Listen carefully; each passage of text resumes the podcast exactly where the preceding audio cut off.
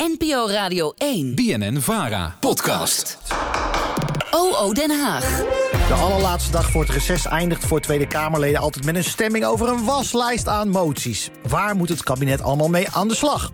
Als het aan GroenLinks Tweede Kamerlid Kouter Bouchalikt ligt... dan uh, gaan ze in ieder geval werk maken van TikTok. En dan niet om die leuke dansjes te doen. Nou ja, misschien ook wel, maar vooral om iets te doen aan het algoritme. Mevrouw Bouchalikt vanuit Den Haag, goedemiddag. Hallo, hi. Drie weken geleden zet u een filmpje online dat hierover gaat. Um, maar voordat we daarna gaan luisteren... kan u een beetje uitleggen uh, wat er gebeurt in het filmpje? Ja, tuurlijk. Nou, allereerst, ik vind social media ook een goede manier om in contact te blijven, ook als uh, Kamerlid. Maar ik vind het ook belangrijk om na te denken over de gevaren ervan. Dus uh, hebben wij een tijd geleden een filmpje gemaakt waarin ik een, nieuw nep-account maakte. En het was een experiment. We wilden kijken naar hoe lang het duurt eigenlijk voordat het algoritme je binnen schadelijke content trekt. Dus vrij snel al krijg je allerlei polariserende content, uh, hondenfluitjes en zaken die ook wel discriminerend discriminerend zijn. Dat was best schokkend. Ja, laten we even kijken hoe dus de nieuwe filmpjes op uw nieuwe TikTok-account u aangaan. Uh, studie, cute, zeehondje. nou, ik zie dus nu nog vooral een hele brede selectie van eigenlijk filmpjes die uh, aandacht proberen te houden. Oh, nu begint het een beetje. Kijk. De grootste immigrantengroepen in Nederland.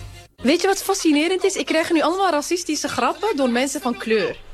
Ja, sorry, ik ben een beetje van slag. Dit is zo raar hoe je zo erin wordt getrokken. Come on, if you're racist and you know it, clap your hands. Dit lijkt me een goed moment om dit filmpje te stoppen. Want ik sta echt de hele tijd verdwaasd te kijken. Ja, hoe, dit is natuurlijk een samenvatting van het filmpje. Ja. Maar hoe snel zat u in deze fuik? Ja, ik was dus echt van slag. Hè? Ik bedoel, dit is mijn werk. Ik ben constant bezig met social media. En alsnog schrok ik hiervan.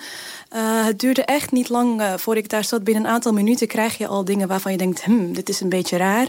En uh, vrij snel krijg je gewoon hele directe racistische en uitsluitende content. En voor je het weet zit je dus in die groep. Ja, en u zegt van nou, ik heb heel veel met social media. Waarom was u dan toch zo geschrokken? Ja, dat is dus ook hoe die algoritmes werken. Hè. Ze zijn verslavend en polariserend. Dus het doet ook iets gewoon met je psyche. Dus je denkt, oh leuk, zeehondjes. Dat, zag, dat hoor je ook in het filmpje. En voor je het weet word je in een soort emotionele achtbaan getrokken. En je komt er moeilijk uit. Dat is ook een psychologisch uh, fenomeen. Dus daarom vinden wij dat we daar betere regelgeving op moeten maken. Want uh, dat kun je heel moeilijk zelf alleen maar beheersen. Laat staan als je wat jonger bent. Ja, dat Voor mij is het mijn werk. Maar er zijn ook gewoon echt uh, mensen van 15, 16... die dit soort content voorgeschoteld Ja, maar ik heb het hele filmpje bekeken. En het gaat inderdaad van hele leuke zeehondenfilmpjes. Maar het gaat ook van grappen van Najib Amhali... tot aan een kaart met migratiestromen. Ja. Dus dat ja. raakt ook aan de vrijheid van meningsuiting. Want wanneer is iets racisme en wanneer vind je iets gewoon niet leuk om te zien? Ja, ja. Nou, racisme is zeker iets wat we met z'n allen moeten bestrijden. En soms wordt gezegd, nou, jullie willen dat mensen niks meer kunnen zeggen. Nee, dat is niet wat ik zeg. Wat ik zeg is dat we moeten voorkomen dat mensen in een fuik worden getrokken van haat en polarisatie.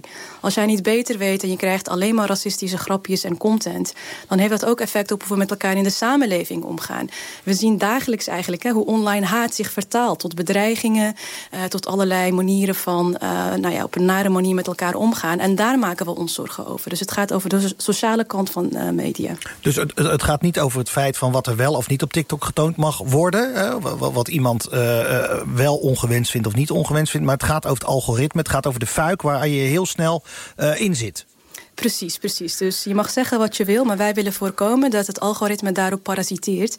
En eigenlijk vooral dat soort content laat zien, omdat zij er baat bij hebben als je zo extreem mogelijk uh, wordt meegetrokken. Want dan blijf je langer kijken. Ja, uh, die algoritmes die worden beheerst door die grote platforms. Uh, mm -hmm. Bijvoorbeeld TikTok of bijvoorbeeld Meta, die achter Facebook zitten. Die zijn ontzettend machtig. Mm -hmm. Dus ja, hoe wil u dat regelen?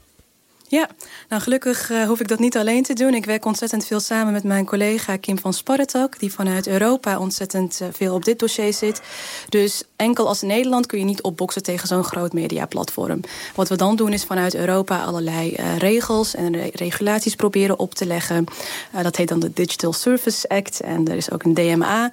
Allemaal ingewikkelde Engelse termen, maar waar het eigenlijk over gaat... is dat je samen sterker staat. Dus vanuit de Europese Unie veel beter op kunt boksen tegen deze grote uh, social media Ja, en daarom hebben wij even Marietje Schaken gebeld. Zij is directeur internationaal beleid bij het Stanford University Cyber Policy Center... en ook oud-Europarlementariër voor D66. En zij vertelde dat Europa voorop loopt in wetgeving over dit soort platforms. Er is net uh, nieuwe wetgeving aangenomen, onder andere de Digital Services Act.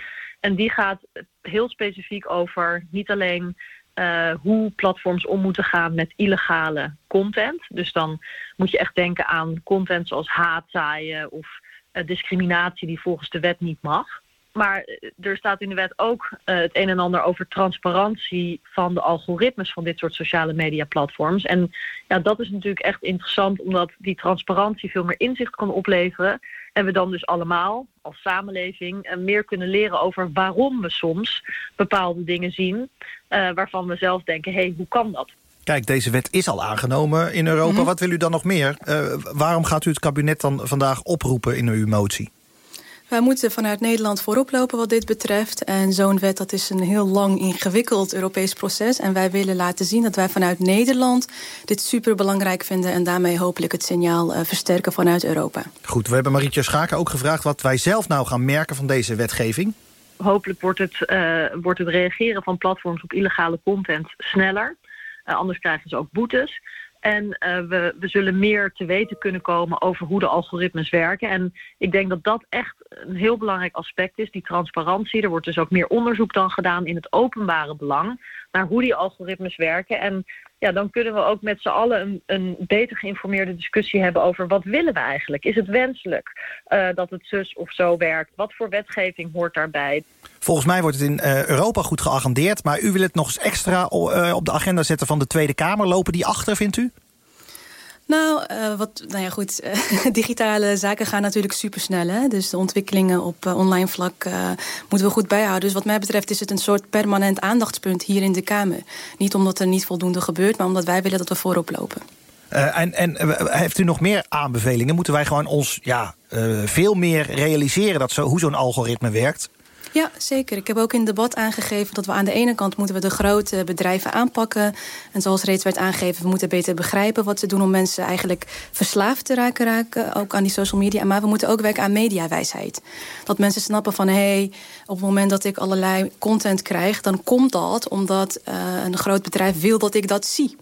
Dus uh, ik roep ook heel erg op om daar iets aan te doen... zodat we met z'n allen ook wat weerbaarder worden... als het gaat om social media gebruik. Ja, en zit er ook voor u een persoonlijke drijfveer achter? Uh, u en uh, vele andere vrouwelijke Kamerleden of Kamerleden van kleur... die krijgen al snel zulke soort rotzooi over zich heen. Is dat het ook? Nou, het persoonlijk is politiek, zeggen ze altijd.